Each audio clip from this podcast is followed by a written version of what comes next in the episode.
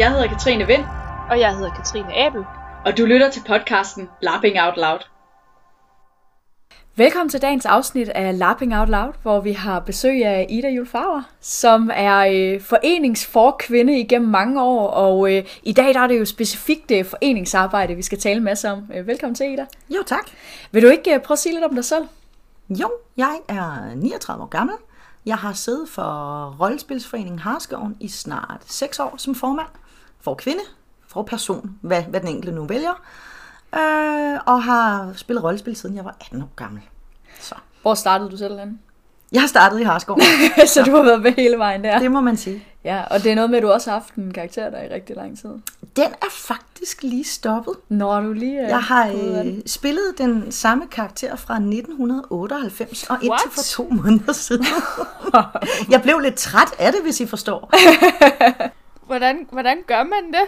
Øhm, jamen, hvis du virkelig spiller en karakter, så er der jo ikke en bagkant. Øh, ligesom der ikke er en bagkant på et menneske.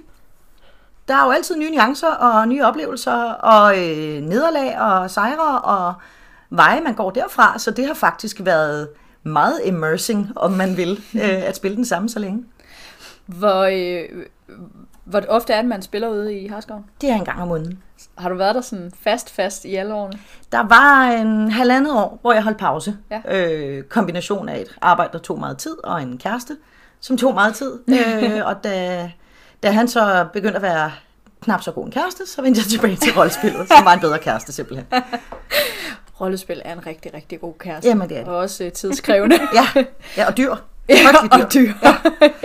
Hvor mange øh, foreningsmedlemmer er der ude i Harskov? Der er lidt over 200. Er det Sidst været tjekkede, har det været sådan 210-215. Ja. Er, har, det, har det sådan været det samme hele vejen igennem? Eller? Vi har ligget mellem øh, 190 og 230 gennem de sidste fem år, så ja, det Okay. må man sige. Og det, er, det et, øh, er det et passende niveau, eller har I sådan en ambition om, vi skal være flere, eller hvordan? Øh? Vi vil gerne blive flere langsomt. Ja. Uh, vi har faktisk ikke noget ønske om at blive flere hurtigt, fordi så kommer det ud i kaos, og så kommer der flere mennesker, end man kan nå at give en god introduktion mm. til rollespillet. Uh, vi havde øh, et helt nyt hold på omkring mm, 15-17 mennesker, der alle sammen kom til i løbet af 3-4 måneder på samme hold. Og øh, det var fabelagtigt, de var søde og dejlige og engagerede, og det er jo altid drive, øh, engagement fra spillerens side. Men de krævede i oceaner af tid, fordi de alle sammen var helt nybegyndere. Så øh, lad, lad os sige, at det skete hver måned, så var jeg en meget træt kvinde. Så I gør meget for at få nye ind på den måde? Vi gør meget for at være imødekommende og åbne og skabe plads. Mm. Altså også hvis der er nogen, der har en dårlig økonomi, jamen, så låner vi dem kostymer og vejleder og guide til, hvordan får du etableret et hold og sådan nogle ting her. Øh, men vi går ikke aktivt ud og værger, faktisk. Men sådan nogen, som er helt nye her, øh, hvordan har de så hørt om jer? De har typisk fundet os på nettet. Øh, og så fordi man har jo hørt om rollespil i Harskov. et, et godt eksempel er, at der er faktisk en, en anmelder fra politikken, Ja, der, i dag, der har skrevet. der har skrevet, at øh, nej, men, øh, niveauet af øh, skuespilspræstationen i filmen Valhalla er, tids, er ret tilsvarende rollespillet i Harskoven. Og det siger manden jo ikke, fordi han kender til rollespil og Harskoven. Det gør han, fordi Harskoven er floskelstedet, man nævner, når man snakker om, om rollespil. Og det er jo også naturligt nok, da det er Danmarks ældste kampagne. Ja, det er synonym med, øh, med i hvert fald fantasy-rollespil i Ja. Danmark, og sådan den, den helt old school. Præcis. Øh, har, det, øh, har det været den samme kampagne hele vejen igennem?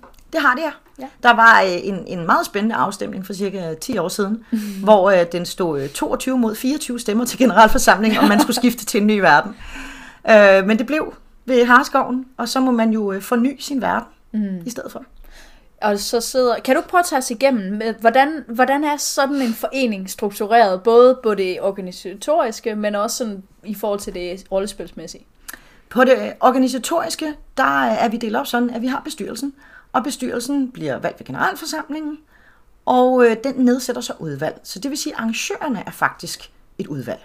Og øh, så har du et, øh, et regel- og skemaudvalg, og du har et kulturudvalg, øh, og, og de her forskellige udvalg skal så fungere sammen. Øh, men det er faktisk nemmest at nedsætte øh, de her forskellige som udvalg, fordi når man sidder for en forening, hvis vores arrangør så pludselig gør noget ganske forfærdeligt, så er det utrolig vigtigt for os, der er valgt ind, at have råderet og råderum til at kunne handle med det samme med de mennesker, ligesom på en arbejdsplads, hvor chefen vil have mulighed for at afsætte eller flytte en medarbejder. Øhm, de meget tokammerdelte øh, institutioner kan være svære at mm. håndtere, når der er lige meget magt og agt begge steder. Øh, så det er måden, vi er struktureret på. Øh, på det rollespilsmæssige.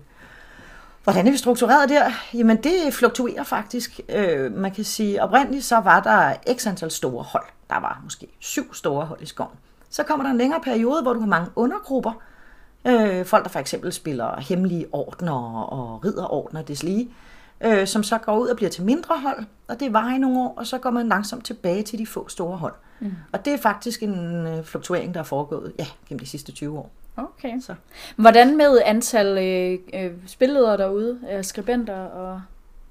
Du skal specificere, hvad du mener med spilleder. Jamen, øh, det vil jeg gerne have, at du gør så. Ja, altså spilledere, som det ses i dag til de helt, helt, helt store arrangementer, øh, er ikke noget, vi har i Harskov. Mm. Vi har vores arrangører, og når der er behov for det, når der sker meget i skoven på samme tid, så har arrangørerne nogle arrangørhjælpere, de selv hiver ind, de er selvsupplerende.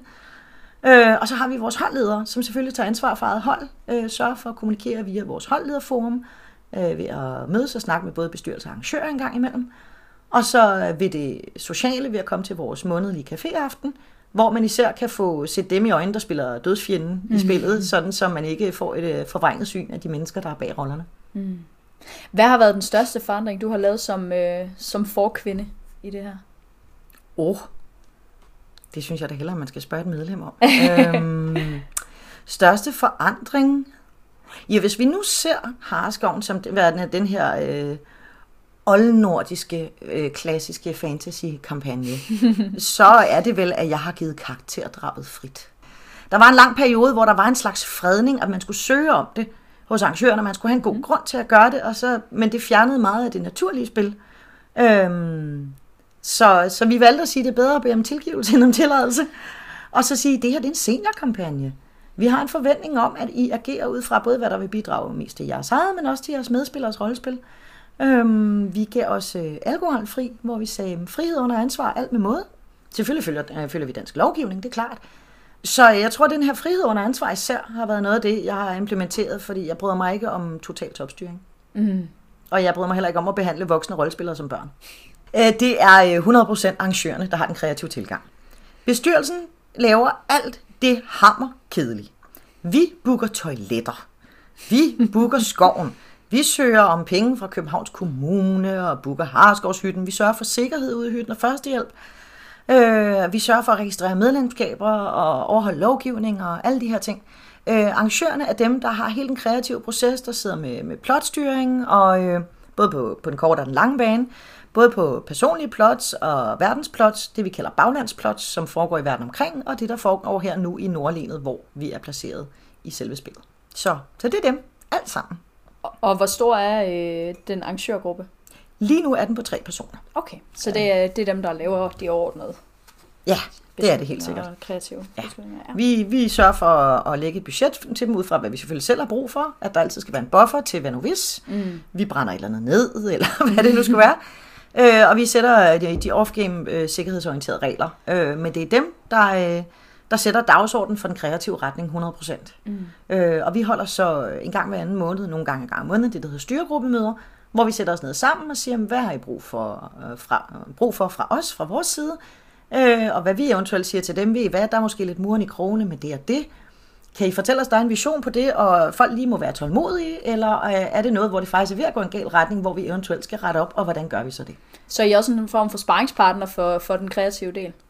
Vi er det, når der er problemer. Ja. Altså det er igen frihed under ansvar, at de, de skal, det er virkelig med, at de skal endelig henvende sig, og vi vil altid støtte dem og bakke dem op og hjælpe dem, hvor meget vi kan. Det er jo også der har ansat dem, kan man sige. Øh, man skal også støtte sine medarbejdere. Øh, men, men, men som udgangspunkt, hvis alt går sådan rimeligvis godt i skoven, og der ikke er de store rammeskrig omkring noget, så får de lov til at selvstyre fuldstændig.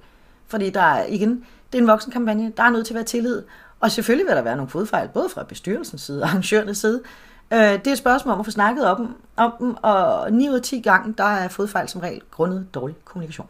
Og det er noget, vi har lært gennem årene. Så den, den tager vi. Det er sket tit, at der er et øh, medlem, der er trådt fra på grund af livet. Et eller andet liv siger, nu, nu kan jeg ikke mere. Nu, nu. Okay, så må vi finde en ny. Og så først og fremmest lader vi arrangørerne være selvsupplerende.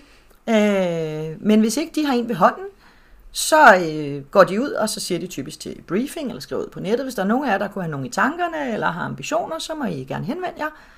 Øh, og de bliver stillet op som samlet gruppe af os ved generalforsamlingen hvert år, som i det her, det er vores bud. Kommer der en anden gruppe og stiller op, så kan de enten henvende sig til bestyrelsen på forhånd og overvise sig om, at vi ellers skal stille op med dem, eller de kan stille op som modsvar til sælge, selve generalforsamlingen, og så er der kampvalg. Supplering i løbet af året er helt op til arrangørerne. Men de skal simpelthen bekræftes hvert år af generalforsamlingen også. Øh, Man kan sige, det skal de mene på den måde, at bestyrelsen er jo heller ikke selvskrevet til at blive genvalgt hvert år. Mm. Og det er os, der stiller gruppen. Og hvis vi nu stiller en gruppe, man ikke har tillid til, så kommer der et mistillidsvotum, og så kommer der en anden arrangørgruppe. Og sådan er det. Og det må vi som bestyrelse så bare acceptere. Hvis det er så en gruppe, vi vurderer, vi ikke kan samarbejde med, så må man jo så sige, okay, jamen hvad skal der til? Så må man simpelthen snakke sammen om, hvad, hvad, hvad der er et slutresultat, som alle parter kan være enige om. Det, det har vi aldrig prøvet endnu. Øhm, men, øh, men, men altså, vi stiller op med vores gruppe, og hvis der er en eller flere, der har mistillid til, så må medlemmerne give udtryk for det, og så må vi komme med et nyt bud, eller medlemmerne må komme med et bud og stille nogen op, der kan samle en større skare, end vi kan. Altså en større skare stemmer, simpelthen. Er det sket i den tid, du har siddet? Nej, ikke hvad jeg, ikke hvad jeg mindes.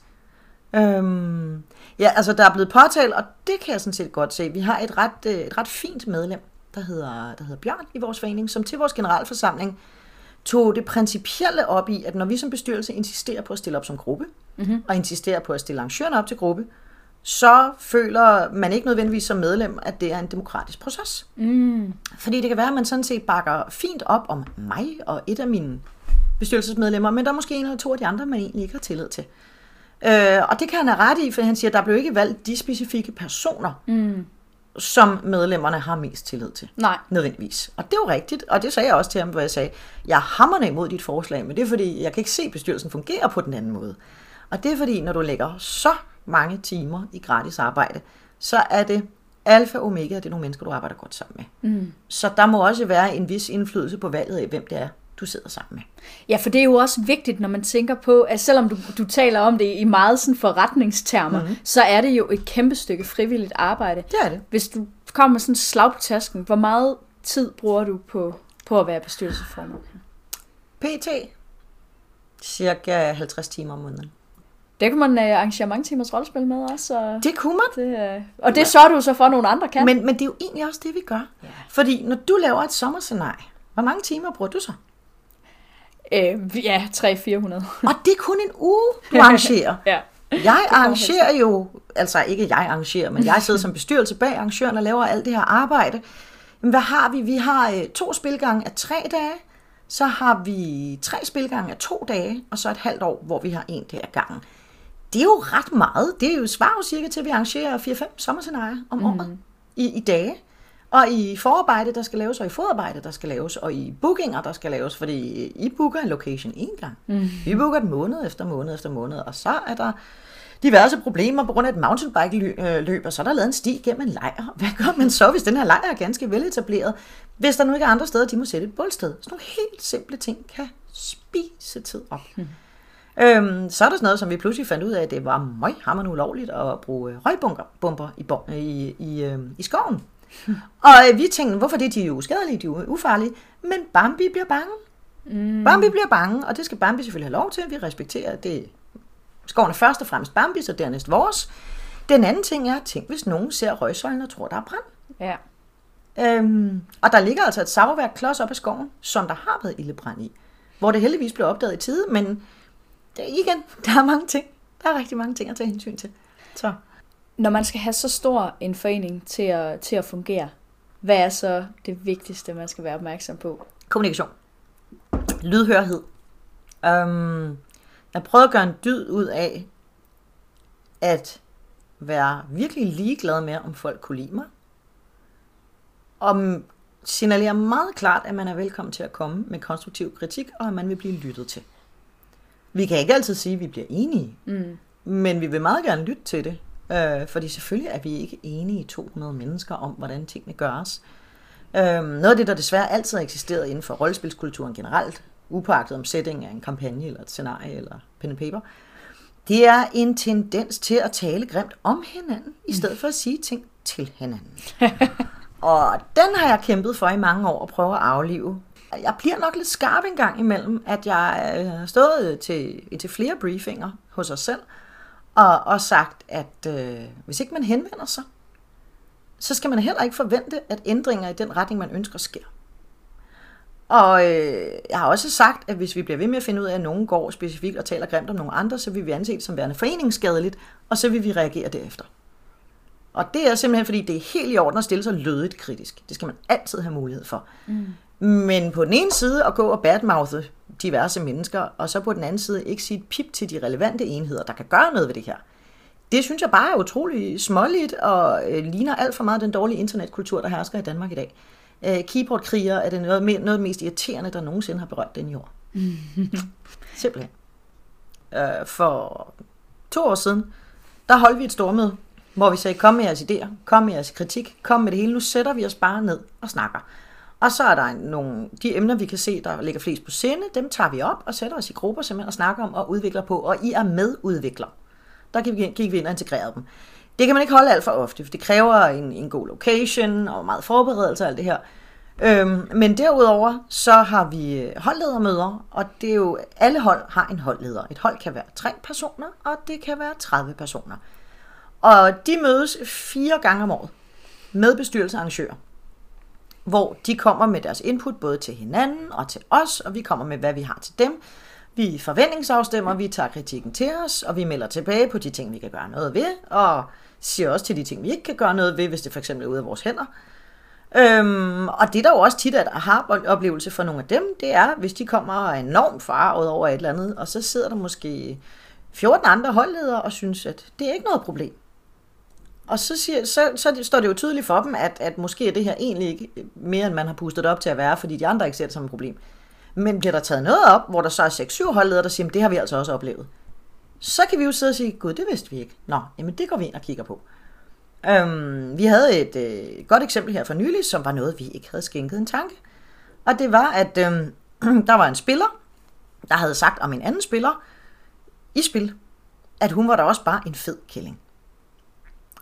Og vi spiller i en øh, middelalderagtig setting i vores fantasyverden, og selvfølgelig må man godt være realistisk og tale grimt om, om og til hinanden der. Øhm, men der er ikke nogen grund til at omtale personens ømme punkt. Mm. Altså hvis jeg, som jeg sagde til den her debriefing, for at komme med eksemplet, siger, hvis der nu er en mand, der er 1,50 meter høj, så kalder jeg ham en idiot, eller et fjols, eller en nar, eller udulig, men jeg kalder ham ved Gud ikke nogen, for det har han ikke fortjent. Og det er noget, vi åbenbart skal til at tage fat på, fordi det er fuldstændig unødvendigt at øh, skabe noget, der bare kunne minde om en mobbekultur, i det, der egentlig skal være et fristed for de mennesker, der kommer hos os. Ja, hvor man taler om folks off-game trades, hvor de ikke rigtig kan gøre for det. det Præcis.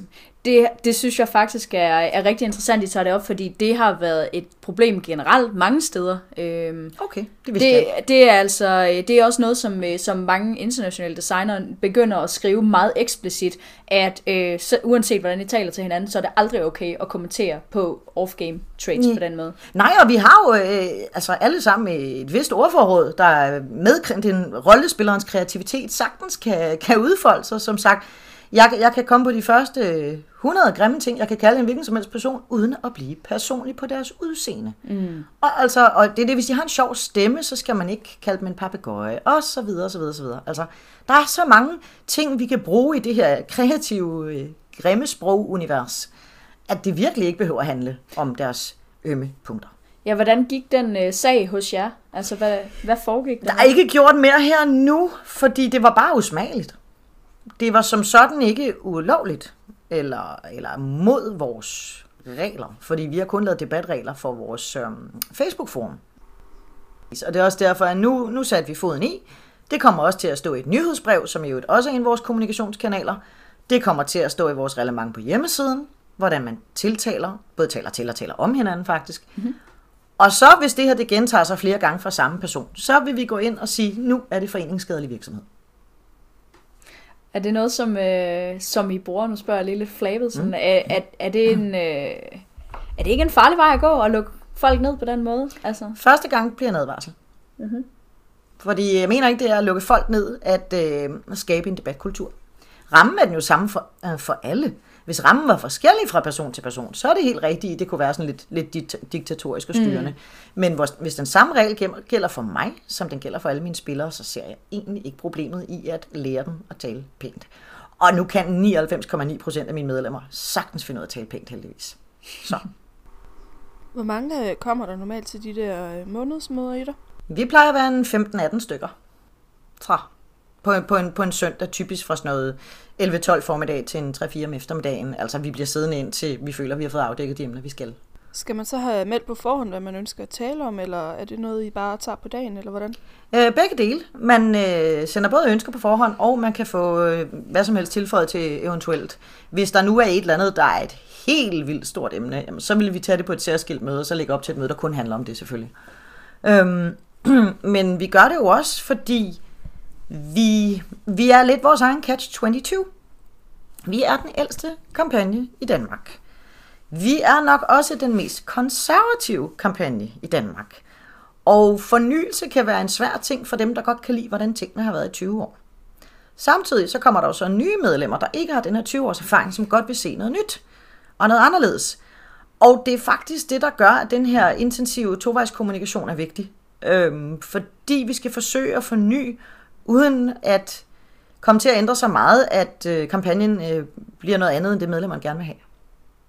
Fordi det er jo egentlig det, en bestyrelse laver, og det er det, der mange, der ikke rigtig tænker over. Vi laver ikke det her for vores egen skyld. Vi prøver at lave det, medlemmerne gerne vil have. Og nogle gange går det godt, og nogle gange går det mindre godt. Øh, men det har aldrig været for egen vindings skyld, vi har lavet det her. Det er mere den der fornemmelse af at give det videre, øh, fordi man selv som ung rollespiller startede et sted og tænkte, gud, hvor er det lækkert, der er nogen, der gad komme måned efter måned i alt slags vejr, og sørge for, at vi havde den her legeplads. Mm. Og det er egentlig det, det handler om. Og så når man først er i det, Jamen, jeg tror, at alle har tænkt tanken om at forlade, når de er i gang med at trætte og udkørt og hvis der er nogen, der har været negativ, eller der har været en eller anden ubehagelig sag. Men så er man også sådan lidt, jamen, kan jeg se nogen klare mine arbejdsområder bedre, når jeg er stoppet? Og der er jo ikke nogen, der er uundværlige. Men, men for, altså, jeg har været der i været seks år, så man får også en del erfaring, hvor jeg tænker, jamen det der, det der, det der, det, det kan alle gøre. Mm. Men det der, det der, det tror jeg faktisk ikke, der er nogen, der kan gøre bedre. Og det er måske meget egoistisk ytret, men det er altså også baseret på seks års erfaring.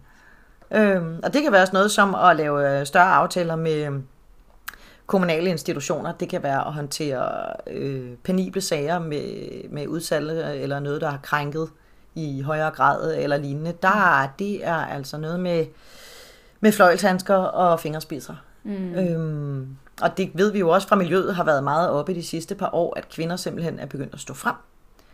Og det har jo så også krævet, at man lige pludselig har en, en, en kasse og et råderum at arbejde i. Og der har vi jo blandt andet med det samme hævet fat i Bifrost og sagt, giv os nogle redskaber, giv os nogle værktøjer, fordi vi kan godt selv, men vi vil rigtig gerne have rådgivning, og vi har ikke lyst til at opfinde en dyb tallerken lige på det her punkt. Hvad, hvad har I øh, fået ud af det samarbejde med Bifrost? Altså, hvad, hvad, har, hvad har I fået? Vi har fået rådgivning for det første. Ja. Det har vi, og vi er blevet kommet rigtig meget i møde. Vi får vedvarende rådgivning, der udvikles fra Bifrosts side, fordi vi og andre kampagner og scenarier begynder at efterspørge nye værktøjer til nye situationer, man ikke har tænkt over at sker før. I takt med, at vi udvikler flere og flere forskellige typer settings for rollespil, Øh, det, det kan være mellemspil, 700% scenarier, øh, 24 timers spil, øh, lynrollespil for fire mennesker. Vi har lavet alle de her mærkelige, mærkelige ting på grund af at være blackbox, og jeg ved ikke hvad. Der er kommet så mange forskellige måder at spille rollespil på, at der altid vil komme nogle nye udfordringer. Og der har Bifrost været rigtig gode til at gå ind og gribe bolde. Ofte har de ikke haft en løsning på det, men så har de sagt, det kan vi godt se et problem, det tager vi med videre, så vi fremadrettet kan få lagt en strategi og forsøge at skrive en drejebog inden for det her. Og det er jo utrolig rart at føle sig så hørt hos sin landsforening. Mm. Det må jeg sige, det er det. Så der har et godt uh, samarbejde med dem? Det synes vi. Ja.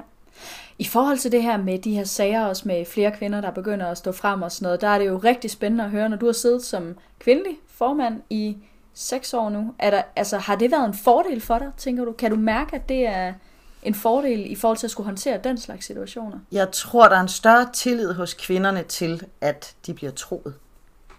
Øh, de i hvert fald bliver lyttet til, og man så afventer at, at dømme. Ikke at jeg har planer om at dømme, det er ikke, det er ikke min plads, men, Der er mange, der føler sig dømt, når de fortæller en historie meget hurtigt, om de bliver troet eller ikke troet. Mm. Og jeg tror simpelthen godt, at mand som kvinde ved, at der er lidt bedre odds for at blive taget alvorligt, hvis det er en anden kvinde, der lytter, fordi de ofte har hørt lignende ting før fra andre veninder gennem livet. Det er jo desværre en, en kvindes lod, at have veninder, der har været udsat for grimme ting. Mm.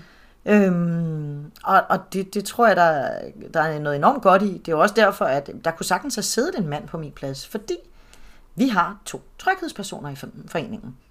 Der, der har den primære plads. Mm. De bliver peget ud til cirka hver anden briefing og hver anden debriefing. De bliver fremhævet på vores hjemmeside, alt det her. Øh, to trygge kvinder. Og ja, vi har valgt kvinder. Men altså, det kunne lige så godt være en mand. Mm. Det handler simpelthen om at sige, at det her er en, der fremstår tillidsvækkende i karakter, at det her er en, som folk som udgangspunkt har tillid til. Det kunne lige så vel være en mand. Jeg ved, der er masser af mænd ude i Harskoven. Jeg snil vil give den plads, hvor jeg også ved, at kvinder som udgangspunkt har tillid til manden. Er det nogen, der spiller med så? Det er to bestyrelsesmedlemmer. Ja. Fordi der skal også være noget, der skal være en tro på, at det, det de siger, ikke kommer videre. Mm. Og det er jo ikke et ondt ord om alle mulige andre mennesker, men det er en del af vores pligt som bestyrelse, at være fortrolig omkring det, vi bliver bedt om at være fortrolig omkring. Ja. Øhm, det kan selvfølgelig være dilemmaramt, når man rigtig gerne øh, selvfølgelig har lyst til at gøre noget ved, hvis man oplever problemer. Mm. Øhm, men, men tilliden kommer frem for alt.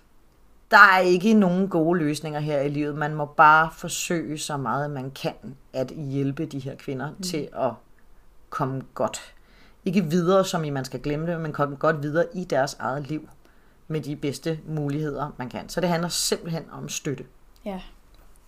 Ja, fordi noget af det, jeg oplever, det er, at øh, hvis en tryghedsperson øh, for eksempel altså en del af, af, af øh, arrangørerne, eller mm. at de er øh, meget, altså de måske er en, nogle vigtige NPC'er, eller et eller andet, samtidig med, at de er det. Hvis de er meget øh, fokuseret på dramatisk spil også, og hvis de ligesom kan komme i konflikt med folk, så synes jeg i hvert fald selv, det er ubehageligt at have noget med dem at gøre.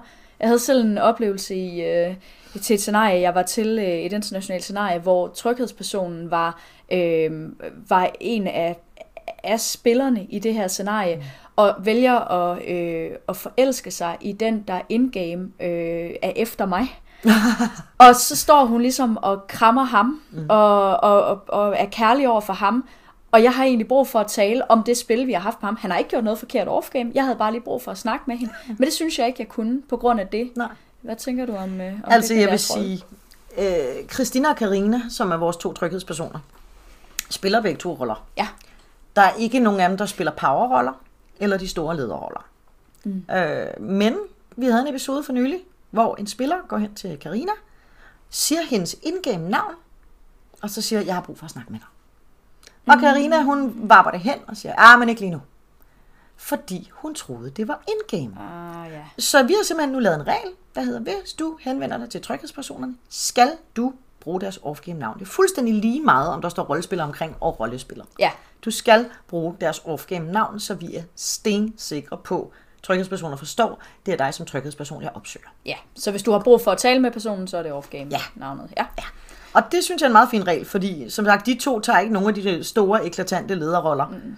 Øh, og, og er tit også nede og hjælpe lidt til med, øh, i, i hytten. Det kan være med tryghed, det kan være at hjælpe arrangøren og give dem en hånd, det kan være check-in, alt muligt. Som de er også vant til, de er nødt til at hoppe ud af ind, som vinden blæser. Men er det noget, du vil anbefale, det der med, at, at de ikke involverer sig for meget i, i powerspillet? Og... Ja, det tror jeg. Jeg tror, det kan være farligt at være, øhm, at være sådan en rigtig powerspiller, og så være tryghedsperson. Mm. Jeg tror, man kan overse, når nogen har brug for hjælp. Ja. Og der tror jeg, at Karina og Christina er to rigtig, rigtig gode valg. Og de har også virkelig løftet opgaven indtil videre. Ja, Så. fantastisk.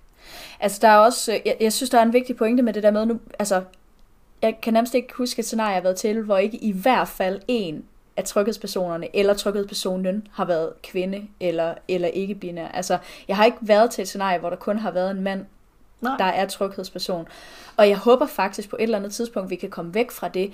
Men altså, jeg vil bare sige, at som, som det har været nu her de seneste år, nu er vi begyndt at have rigtig meget fokus på, på tryghed og så videre, men, men jeg er bare mere tryg ved at komme hen til en kvinde. Men jeg vil faktisk gerne have begge dele, fordi der kan jo også være mænd, der har brug for at tale med nogen, hvor de ikke har brug for at tale med en kvinde, hvis de lige har oplevet noget alvorligt. Helt enig. Især fordi der er også mænd, de mænd i verden, der, eller ikke i verden, det ved jeg ikke noget om. De mænd, jeg har læst om, der har været udsat for overgreb, der har søgt hjælp, er tit blevet grinet af, mm. af kvinder, der får det fortalt med sådan, jamen du er jo en mand. Du kan jo ikke blive oversat, udsat for overgreb. Mm. Og selvfølgelig kan han det. Og det er så nødvendigt, at han bliver taget alvorligt, når han henvender sig. Mm. Så jeg vil helst have en kvinde og en mand. Ja. Uden tvivl. Eller to kvinder og to mænd. Så vi er også sikre på, at der er nok til at løfte, hvis der pludselig sker et eller andet, der gør, at der måske er brug for flere. Mm. Øhm, jeg vil helst have, vi kan, vi kan ikke repræsentere alle køn. Mm. Men at repræsentere i hvert fald en kvinde og en mand, ville være dejligt. Øhm, vi har haft en af mændene op i den gruppe, der hedder Rolerne. Mm-hmm. Øh, Niklas Q, som også er holdleder op hos dem. Øh, han har før ageret tryghedsperson. Ja. Øh, men det var mere som en slags, hvis man har et problem med arrangørerne eller bestyrelsen, mm. så kan man gå til ham, og så Ja. vil han tage den videre. Og, og, og, og forsøge at male, og forsøge at få kommunikeret videre, hvis man nu er utryg ved at henvende sig kritisk til os. Øh, men han var også tryghedsperson. Det blev bare ikke brugt lige så meget. Mm. Øhm, og det synes jeg var dejligt, for han var også en af dem, man havde tillid til som menneske. Ja. Og dem har vi heldigvis en god portion af. Vi har nogle, nogle dejlige fyre med en, med en god forståelse og indføling for mennesker. Så øh, jeg vil egentlig synes, det var skønt, hvis der kom en mere. Det eneste, der er for mig, det er, skal han ikke være i bestyrelse, det er fint. Men så skal han i hvert fald underskrive en eller anden form for fortroligheds- eller tavshedserklæring i forhold til de mennesker, mm. hvis sjæl så bliver krænket ud til ham. Ja. Ja, og der, der, skal man også, altså der skal man også finde en balance i forhold til det, fordi øhm, at man kan sige, at nu snakker vi også meget om overgreb, men for mig, at se, der er en, for, for mig der er en tryghedsperson ikke en, en psykolog eller Nej. en, der skal tage sig af. Men, altså det er selvfølgelig, hvis der sker et eller andet overgreb, skal der være tages action og sådan noget, men så er det altså en sag for politiet også, ja. og så skal man hjælpe der. Men, men det er jo også de der sådan, uha, det her det var hårdt, eller, eller nu var der, der var den her scene, og du gjorde egentlig ikke noget forkert, men, men nu kan jeg ikke lide dig off-game, fordi vi har haft Ja, den her konflikt. Altså, så kunne snakke om de der følelser, mm. når det også er mindre alvorligt, at, at det er der, jeg tænker, tryghedspersoner som sådan er, er enormt værdifulde.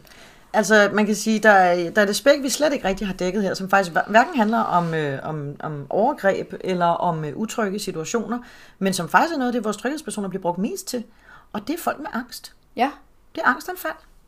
Der er rigtig mange rollespillere med angst. Der er rigtig mange spillere med galopperende Aspergers, ADHD, PTSD, borderline, øh, alle de her forskellige bogstaver, rent udsagt. Øhm, og hvor nogen klarer sig rigtig, rigtig godt og fabelagtigt, øhm, så især angst er virkelig det, hvor vi har oplevet, at der har været behov for vores tryghedspersoner. Når nogen får et angstanfald, eller nogen får et angstanfald, fordi den sygdom, de nu engang har, som kan være så meget forskellig, det kan være PTSD, det kan være alt muligt, går ind og manifesterer sig i form af et angstanfald. Og der er de alfa og omega. Det er virkelig den, altså de to vi har, der er også lidt baggrund på dem. Øh, Karina har været astmatiker gennem mange år, og kender og forstår angst utrolig godt, og vi har altså astmatikere ude hos os. Øh, og det håndterer hun simpelthen så fabelagtigt. Og øh, Christina er uddannet pædagog, og har blandt andet arbejdet med unge udfordrede, og netop unge med forskellige diagnoser. Øh, så på den måde, så er de også godt plukket til, at de er rigtig, rigtig gode menneskekendere, og de er gode til at håndtere akutsituationer og bevare roen. Både på egne vegne og den, der har en udfordring. Og det, som sagt, angst er noget, der er kommet i rollespilsmiljøet for at blive. Desværre. Men så er jeg, så er jeg lige lidt spids her. Mm. Øh, er, det, øh, er det i virkeligheden en tryghedspersons ansvar at håndtere det? Altså, skal, skal de kunne håndtere et menneskes angstanfald? Hvis ikke de skal, hvem skal så? Altså, det er jo spørgsmålet. Ja, Det er- altså det er jo vores arrangement. Mm. Og mennesker med angst skal have lov til at lege lige så meget som alle andre. Derfor synes jeg, det er i orden, at vi som forening stiller nogle mennesker til rådighed til at gribe, når det er aller værst. Selvfølgelig skal man ikke øh, lukrere på det, hvis man kan det. Det ved jeg ikke engang, man kan. Øh, men, men, men det er nødvendigt, at de har de friheder til at spille, som alle andre også har. Vi har altid, synes jeg, i rollespilsmiljøet på, på alle mulige forskellige niveauer, gået meget op i, at der skulle være lige adgang. For mænd, for kvinder, der blev kæmpet en kamp for kvinderne, for flere kvinder med i miljøet oprindeligt. Øh, så var der hele økonomien, da scenariet begyndte at blive voldsomt dyre, om alle ikke skulle have lov til, om man så ikke skulle lave nogle billige billetter, så alle kunne være med. Og så videre, og så videre. Og det synes jeg er ganske fornuftigt. Og vi har jo netop rummet alle de her fabelagtige kreative væsener med alle mulige skavanker. For noget af det er sgu skavanker. Dem, der er PTSD, men det er en frygtelig hemsko at have. Skal de så ikke have lov til at komme ud og lege? Altså det er der, hvor, jeg, hvor der bliver jeg lidt vred, og jeg er virkelig ikke pædagog. Øh, men, men der bliver jeg vred, fordi selvfølgelig skal de det. Og så må vi gribe og fagne. Vi har grebet og fagnet gennem 25 år i rollespilsmøde. Jeg kan ikke se, hvorfor vi skal stoppe nu. Vi skal ikke være mor og far. Vi skal bare give nogle trygge, sikre rammer. Mor og far, dem har de derhjemme, men vi må kun give nogle ordentlige rammer, hvor der er nogle redskaber. Men kan de tryghedspersoner nødvendigvis øh, gribe de mennesker på den bedst mulige måde? Eller skal de være uddannet til det, eller skal det være noget, de kan? Eller hvad tænker du om det? Det er da altid en fordel, når nogen kommer med en uddannelse, som, som vi er så heldige med i det her tilfælde blandt andet. Øh, men øh, for det første, så har vi både førstehjælp og udvidet førstehjælp og psykisk førstehjælp. Øh, at det skal der være nogen i bestyrelsen og blandt arrangørerne, der kan. Og det har vi også. Derudover, så det er ikke så meget om, hvad du har en uddannelse i. Det er også noget at gøre med, hvilket menneske du er, netop om du evner at fagne. Fordi meget er jo netop, hvis du kender en med angst, så lærer du altså også hurtigt at fagne det. Og du lærer, hvordan du skal handle. Øh, vi har desuden en regel, der hedder folk med hæmmende sygdomme, og det kan både være fysisk og psykisk. De skal henvende sig til vores øh, sikkerhedsansvarlige, Diana, og informere hende om det, netop så vi kan gribe korrekt. Skal de have noget medicin, så skal de bære en pink på, hvor i medicinen ligger, så vi kan finde medicin, hvis nu de er faldet om, eller ikke er til at komme i kontakt med. Der skal stå en beskrivelse af, hvordan man giver den her medicin. Og så frem man skal gribes på grund af noget psykisk, så skal vi også have en kort beskrivelse om, hvordan det gøres bedst, og hvem vi eventuelt skal kontakte i nogle situationer. Netop fordi selvfølgelig skal vi gribe alene, mm. men vi skal gribe som de første. Og så kan vi altid give bolden videre til, om det er mor, far, hospitalet, mm. ambulancen, hvad det nu må være. Øh, men det er jo også der er first responders. Det er jo altid venner og bekendte, der er first responders. Og så har vi bare klargjort os så meget, vi kan. Har I fået noget øh, støtte i for, fra Bifrost i forhold til det her? Altså det her med at uddanne øh, folk internt til at hjælpe med det? Altså det er lidt, det er lidt synd faktisk, fordi Bifrost holdt nogle fabelagtige kurser. Du har gået oven i vores spilgang, hvor vi ikke kunne være nogen. Øh, og det er selvfølgelig ikke Bifrost fejl, det, det er fuldstændig tilfældigt, det er ærgerligt.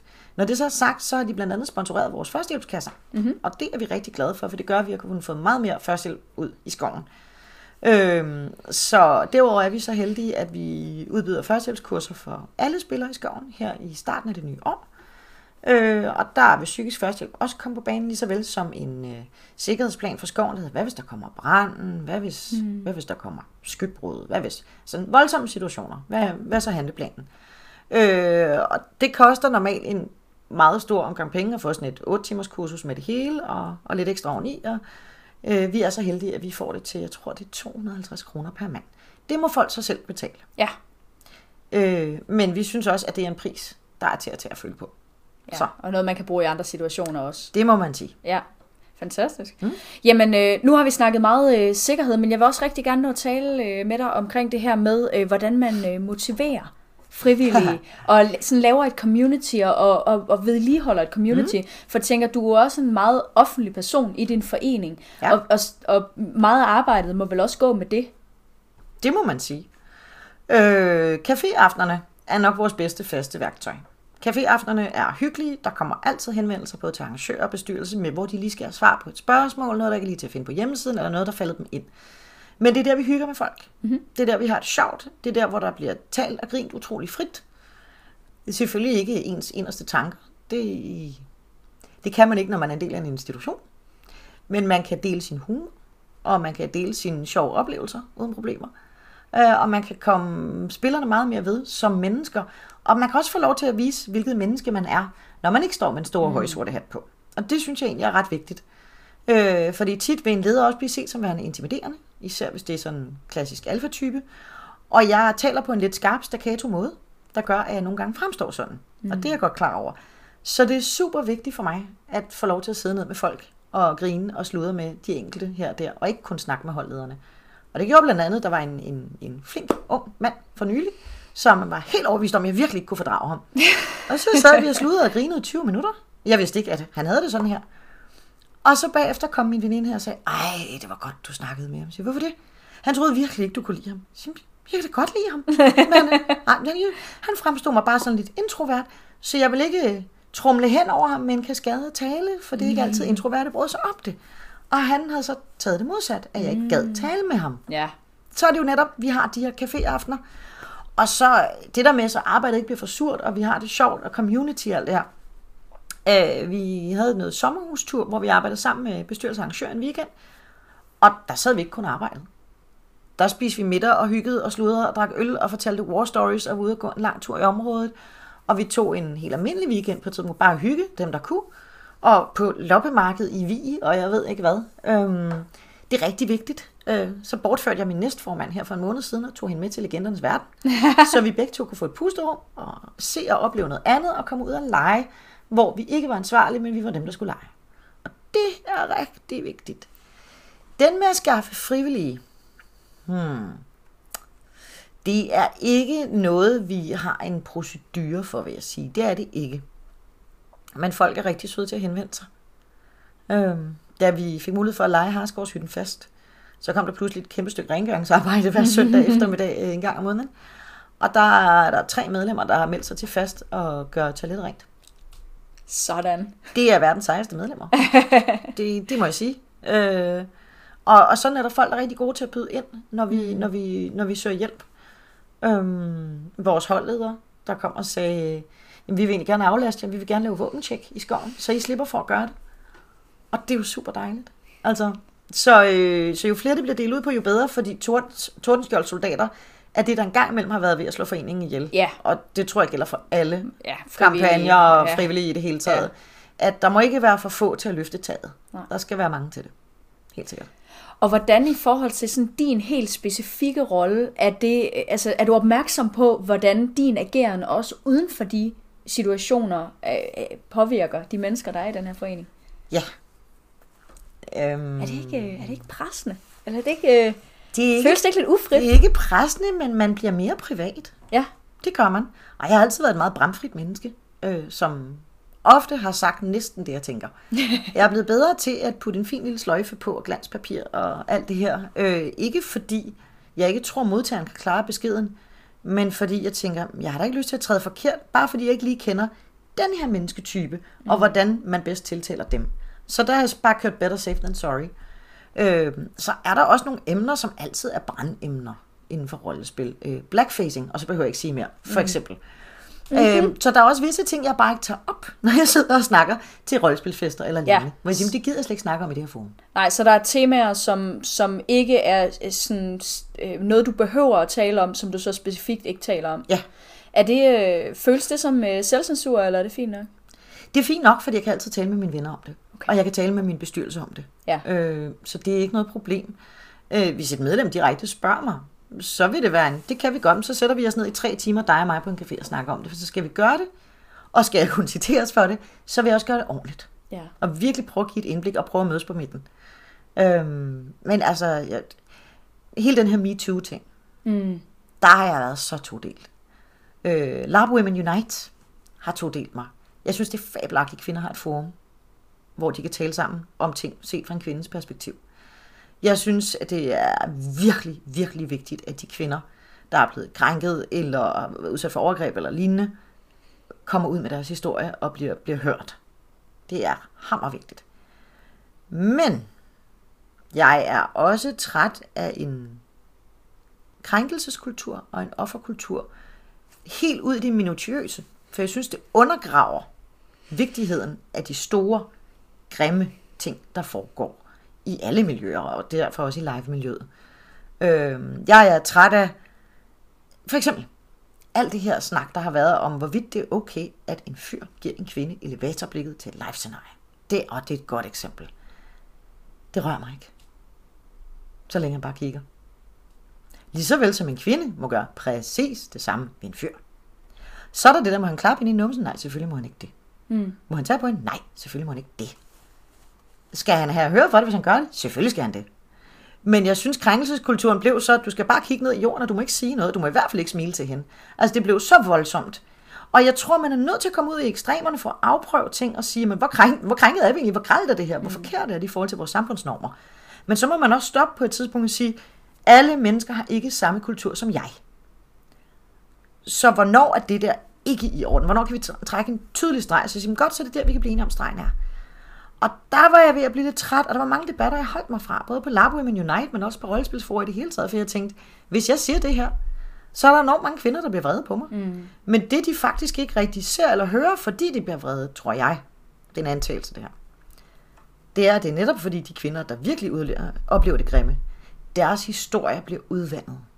Og det bliver jeg faktisk rigtig harm over. øh, deres oplevelser, der er så grimme, og virkelig skal, de skal støttes op om, og de skal have al den hjælp, de kan få.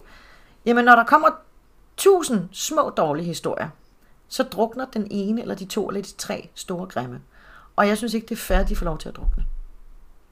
Jeg tror faktisk, øh, der, der vil jeg godt lige øh, træde ind og være en lille smule uenig, fordi Endelig, øh, endelig. det er... Øh, det er, en, det er en god pointe med, at de store historier skal frem, men for mig at se, noget af det meget kraftfulde, det var at se, hvor meget, altså mængden af det, mm. hvor mange der også havde oplevet forskellige grader. Også det der med, at selvom en, en decideret voldtægt er øh, objektivt værre end et elevatorblik, Ja. at så er der også noget med, at, at selvom noget måske objektivt er værre, at så kan det stadigvæk godt være en krænkelse. Altså, Selvfølgelig kan en, det. Og, og det er heller ikke fordi, jeg siger, at, det, at, det, at du ikke er, er klar over den nej. del, men, men, men den der voldsomme reaktion, der har været, mm. er også en, re- en reaktion på al den tid, det har været presset ned. Og jeg ved ikke, om du er enig, men jeg synes faktisk, at det har fundet et, et meget godt niveau nu. Jeg er positiv nu. Altså, Altså- jeg var rigtig bekymret for tre år siden, hvor jeg tænkte, åh gud nej, skal jeg til at trække mig fra rollespil? Mm. Øh, fordi jeg synes, at øh, det var...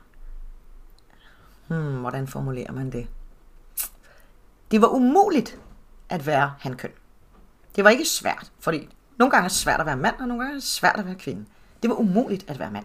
De kunne ikke sige noget rigtigt, og, og på, når, jeg kan godt forstå, at de her kvinder skulle høres og ses, fordi igen, som du siger, det er måske 20 års, 25 års frustration, der skal have lov til at komme ud, og der vil være et vulkanudbrud, og det skal der også have lov til at være. Mm. Der skal også være en revolution. Og igen, man skal ud og finde de ydre grænser, før man ved, okay, hvor finder vi vores leje. Men det blev for meget. Fordi man kunne ikke få mændene til at forholde sig til det. Fordi når tusind kvinder er krænket, og nogle af de historier, de her mænd bliver bedt om at forholde sig til, er et elevatorblik. Så når man ser nogle andre, så tænker man, nej, ja, ja, hun har fået et elevatorblik, og hvad så? Jeg er træt, det er tirsdag. Hvorimod, hvis vi kun havde gået ind og taget de ting, hvor vi siger, her er længerevarende mental skade, eller her er en kvinde, der er kronisk utryg, fordi en fyr øh, hele tiden gik bag hende og sagde ting til hende, for eksempel, sagde, han skal du ikke med hjem? sådan noget. Sådan nogen. De forsvinder i mængden. Og det er den her udvandring, der generer mig, for du har ret i lejet, der er noget i dag, er heldigvis ret sundt. Og bølgen skulle komme. Men jeg synes ærligt talt, der var nogle kvinder, der var krænket, hvor jeg tænkte, vi to skal aldrig være i lokale sammen, for hvis du krænkes så let, så er du en kronisk offerrolle hele dit liv. Mm. Og det er, lyder fordomsfuldt og grimt måske, men alle mennesker har forskellige historier. Og forskellige baggrunde, der gør, hvordan vi reagerer på ting. Nogle vil være mere sart end andre, grundet historik, og det skal de ved Gud også have plads til, det er slet ikke det. Øh, men, men når det gør, at dem, man gerne vil nå, dem, man gerne vil have til at lytte, de holder op med at lytte, så synes jeg, man fejler i sin kommunikation, uanset hvor krænket man er inde i. Og det handler jo hele tiden om målet for de her kvinder. Hvor er det, I gerne vil nå hen? Hvad er det, I gerne vil? Er det, fordi I gerne vil høres? Det er et færre mål. At vi gerne vil anerkendes, det er også et færre mål. Vi, vi, vi have en retssag? vi har lov til at brøle og rase? Der, der kan være alle mulige forskellige reaktioner, man har behov for. Men mange af dem mistede i min optik målet. De, de, de holdt op med at have øje for målet for sig selv. Og det synes jeg er ærgerligt, fordi de gik ind og skadede sig selv i forhold til dem, de gerne vil have lyttet. Og det er synd. I Lapping Out Loud her, der har vi jo også, øh, der har vi nemlig plads til skarpe holdninger mm. i forhold til det, så, så det er fedt at få nogle, få nogle forskellige holdninger på banen, fordi altså, der er jo også noget i, at man, at, at det der, det er jo også en holdning, som mange mænd her senere har givet udtryk for. Mm-hmm. Øhm, men, men jeg vil også sige, der er jo noget i, at det er jo ikke kun i rollespilsmiljøet, men så som kvinde har oplevet. Det er jo fordi, at det er en del af hele samfundet. Helt sikkert. Rollespilsmiljøet er en del af samfundet. Så, så det der med, at, at man her er et miljø, man rent faktisk kan påvirke. Mm. Ikke? Øhm, så, så det er også det der med, den der, det der grundvilkår ved at være kvinde, også har, havde brug for at ændre sig. Ja. Fordi der er, altså jeg kender ikke mange kvinder, som ikke, i hvert fald en gang imellem, er bange for mænd. Nej, fair. Altså, så det er jo også sådan en, øh, hvad skal man sige, det der med at tale om, at sådan er det, og ligesom opdrage mænd, Ja, ja. kan man sige, og opdrage hinanden og mm. blive klogere på sig selv. Der er jo også noget med, at jamen, vi kan påvirke den generation, vi selv er i, Helt sikkert. hvor det nok er væsentligt værre for dem, der er 20-30 år ældre, mm. øh, 40 år ældre. Men noget der jo også er, og som jeg synes netop giver den her vigtighed, du forklarer, det er det der med, at jamen, det er jo ikke mere end 20 år siden, hvor mange kvinder var der i holdspil, mm. versus i dag. Nu hvor vi er cirka 50-50, så er det jo fint, at kvinderne går ind og siger, mine damer og herrer, der er lige nogle ting, der skal være lidt anderledes fremadrettet, fordi vi har bestemt ikke et godt grundlag for at samme eksistere lige nu. Mm. Og det er rigtig vigtigt, det bliver sagt, fordi de her revolutioner har jo netop, det har, de har jo været i verden i 70'erne, hvor vi har hele rødstrømpe-generationen, vi har 60'erne, hvor du har hippieoprøret og alt det her, det har vi ikke haft i rollespil. Mm. Og de her oprør, jamen, som du siger, vi reflekterer jo den verden, vi er i, og vi er jo det her mini-samfund i samfundet. Mm. Øh, og netop nu, hvor der endelig er blevet nogen ligeligt fordelt med mænd og kvinder, så synes jeg, det er rigtig vigtigt, at de her oprør, de her revolutioner kommer. Problemet, eller ikke problemet, udfordringen er nok, at vi har nogle andre... Øhm, muligheder nu, end man havde ved 60'ernes og 70'ernes oprør. Internettet. Jeg hader internettet nogle gange. Fordi hvor før i tiden, der kommunikation, det var noget, du gjorde i en gruppe, hvis det var det, der var behov for, eller en til en, når det er det, du har brug for. Via politikeren, hvis det var det, du har brug for, eller via politiet, hvis det var det, du har brug for. Du havde din familie, dem snakker du også med. Nu har vi den her sære konstellation af fremmede, bekendte, nære familie og tredje til højre og naboen og hans hund som alle sammen har en mening om en persons personlige sfære. Og det forvrænger virkelig det her oprør, synes jeg. For jeg tror, det ville være nemmere for alle, både, både kvinder og mænd, hvis de situationer, de skulle forholde sig til, hvor modparten siger, der er noget her, der ikke virker, det var noget i deres nære miljø, som de skulle forholde sig til. Og det sker ikke antal gange, og de forholder sig til det x antal gange. I dag jamen der forholder du dig til et helt andet billede, fordi du forholder dig til verden. Og det er jo også sådan, så hvis der er en, der siger, ej, jeg havde virkelig en ubehagelig oplevelse med det der. Ja, ja, men tænk nu på de små sultne børn i Afrika, og tænk, hvis du boede i Syrien, det ville jo være meget værre. Altså hele det her stråmands argument og, og derailing og nævne Hitler, og så har du tabt og alt det her.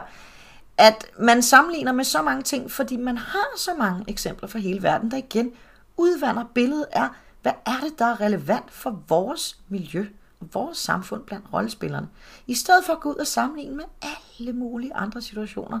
Vi skal jo starte med at tage stilling til os selv og vores debatkultur først. Uh, Ida, jeg, jeg, må, I, jamen, jeg må nok erklære mig øh, direkte øh, uenig her. Jeg tror simpelthen ikke på, at vi var kommet dertil, hvor vi var i dag, og, og især i forbindelse med MeToo, hvis ikke vi havde haft lige præcis internettet. Hvis ikke vi havde haft det som et talerør til at vise verdenen, hvor meget der er blevet lagt lort på kvinder og mænds skuldre igennem årtier. Jeg tror simpelthen ikke, vi var kommet, øh, kommet herhen, hvis ikke det havde været for internettet. Så, øh... Det har du fuldstændig ret i. Fuldstændig. Det er vi enige om. Det, der er med internettet, det ved alle ved, alle ved det jo. Det er fabelagtigt og pisseirriterende. det, det, det har jo skabt kommunikation over hele verden, øh, og det er, jo, det er jo dejligt. Vi har meget bedre indblik i, Lige så vel som jeg siger, vi har alle de her mærkelige eksempler fra hele verden, vi kan, vi kan trække frem, som kan udvande noget, så ved vi også i langt højere grad, hvad der foregår i verden, øh, og som vi egentlig nu kan forholde os til, det kunne vi ikke før. Og MeToo var aldrig sket uden. Det er du fuldstændig ret i. Det, der er snubletråden, tror jeg, som man skal bevidstgøre sig omkring, ligesom med Facebook og, og Instagram og alt det her, det er, at det er dejligt at forholde sig til verden, og det er dejligt at forholde sig til ting, hvor du ikke nødvendigvis er en del af det fysiske nærmiljø men du skal stadigvæk forankre dig i dit eget miljø og dit eget nærmiljø og forholde dig til det først, før du kaster dit fiskenet ud over hele verden. Det tror jeg er rigtig vigtigt, fordi netop når vi ser alle de her ensomme børn og ensomme unge, som i den grad dokumenteres i medierne lige nu også, som siger, nej, men jeg er på Instagram, og jeg har 1733 venner på Facebook, og jeg har alle de her glorificerende billeder af, hvor slank jeg er, og den is, jeg spiste med min veninde i går, det vi tog en selfie men de er jo ikke forankret i deres nærmiljø. De kan slet ikke finde ud af at være til stede i nuet, uden som minimum deres mobiltelefon. Og der synes jeg altså, der mangler det, det, det nære og det, det åndelige i at være til stede i nuet med de mennesker, man omgiver sig. Netop for at få den der menneskelige styrke, som skal holde os alle sammen op, når vi kommer ud i verden. Ja. Jeg, øh, jeg, jeg er enig.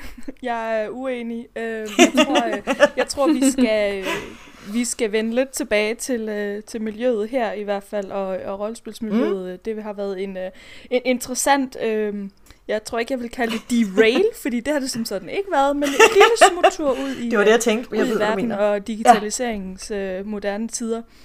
Øhm, Ida, ja, det må man sige. Helt sådan kort, hvis nu man sidder derude og tænker, jeg vil rigtig gerne være med til at lave noget bestyrelsesarbejde i uh, for eksempel i Harskoven eller alle mulige andre steder, nu kan du selvfølgelig primært svare for Harskoven, hvad vil så dit råd være?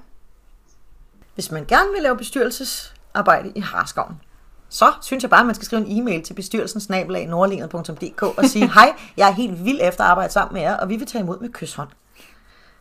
Simpelthen. Og jeg vil sige generelt forenings- og bestyrelsesarbejde som større koncept, gør det, fordi du får virkelig mulighed for at præge de rammer, der skaber noget fælles for en masse mennesker, du deler hobby med. Øh, det giver dig virkelig indblik i, hvordan nogle processer fungerer. Du kan bruge dit arbejdsliv. Du lærer langt mere om kommunikation. Så det vil, det vil give dig noget, uanset hvilken type menneske du er, og hvor du vil hen i livet. Så det jeg hører fra dig, og også fra, fra andre, det er i virkeligheden, at man skal gøre sig selv tilgængelig. Ja. Fordi der er, altså, folk vil altid gerne have Ja. en hånd og hjælp. Og, Ja. Øh, det største kompliment, jeg har fået i nyere tid, det var et af vores øh, medlemmer, øh, som, som jeg ikke sådan helt havde indblik i, hvem var på det tidspunkt, som går hen og siger, den der kærlige opsang, du gav os til generalforsamling, hvor du sagde, at øh, der var altså kun så og så mange hænder, så øh, man burde engagere sig i foreningen, hvis man ønsker, at foreningen skal løfte mere. Det har du ret i. Så, øh, så jeg er altså øh, blevet en del af vores øh, andelsboligforeningens bestyrelse, for det har du ret i. Og jeg tænkte, ej, hvor fedt. Fordi det er netop det der med at sige, jamen, prøv at få en finger ned i suppen. Fordi så får du også meget bedre indblik i, hvorfor procedurer og processer er, som de er. Øhm, jeg tror, noget af det, der mangler i rollespil, netop på tværs af organer, institutioner og foreninger, og også inde i foreninger på tværs af organer, er en forståelse for de andres arbejde. Meget lige de her store arbejdspladser, vi har i Danmark, hvor man ikke nødvendigvis ved, hvad de laver i de andre afdelinger, men man har de her forforståelser og fordomme. Øhm, jeg tror, det vil gøre så meget at få bedre indblik, nærmest uanset hvilket niveau man gik ind på i en hvilken som helst vilkårlig forening. 100% enig. Det er dejligt. Jamen, altså, som en, der igen, nu har jeg jo nævnt festival mange gange i den her podcast, men som en, der sidder og arbejder med 200 plus frivillige, øh, ja, altså, men det er del med os et, øh, et stort og et svært, og øh, nogle gange et øh, uoverskueligt stykke arbejde at give sig i kast med. Så øh, det kan være, det er noget, vi skal dykke ned i, i et andet afsnit af, af podcasten. Det, det, det kunne være en god idé. For jeg tror, der er meget... Meget ofte er det helt små ting inden for kommunikation, der giver den manglende forståelse blandt mennesker. Ja. Øh, i, I rollespilsmiljøet især. Og det er rigtig synd, fordi jeg har også set mange af de her mennesker, som virkelig længe ikke har ønsket rigtigt at lære hinanden at kende, og når de så endelig har gjort det netop i forbindelse med noget foreningsarbejde, så har de fundet ud af, at de egentlig har delt utrolig meget hen ad vejen, men har haft de her forforståelser, der gør, at de ikke har mødtes. Har du et comeback til det, Abel, eller var det ikke ved at være det, vi havde at sige om det? Jo, jeg, jo, jeg skulle faktisk bare lige til at sige, at øh, så I hører det her fra Ida, gør jeg øh, tilgængelig, skriv, meld jer til ting. Øh, det er, folk vil altid gerne have ekstra hjælp. Og så tænker jeg, at vi bare siger tak, fordi du vil være med, Ida. Jamen selv tak, det var en fornøjelse. Det var alt for denne her gang. Du har lyttet til Lapping Out Loud. Mit navn er Katrine Vind. Og jeg hedder Katrine Abel. Tak fordi du lyttede med.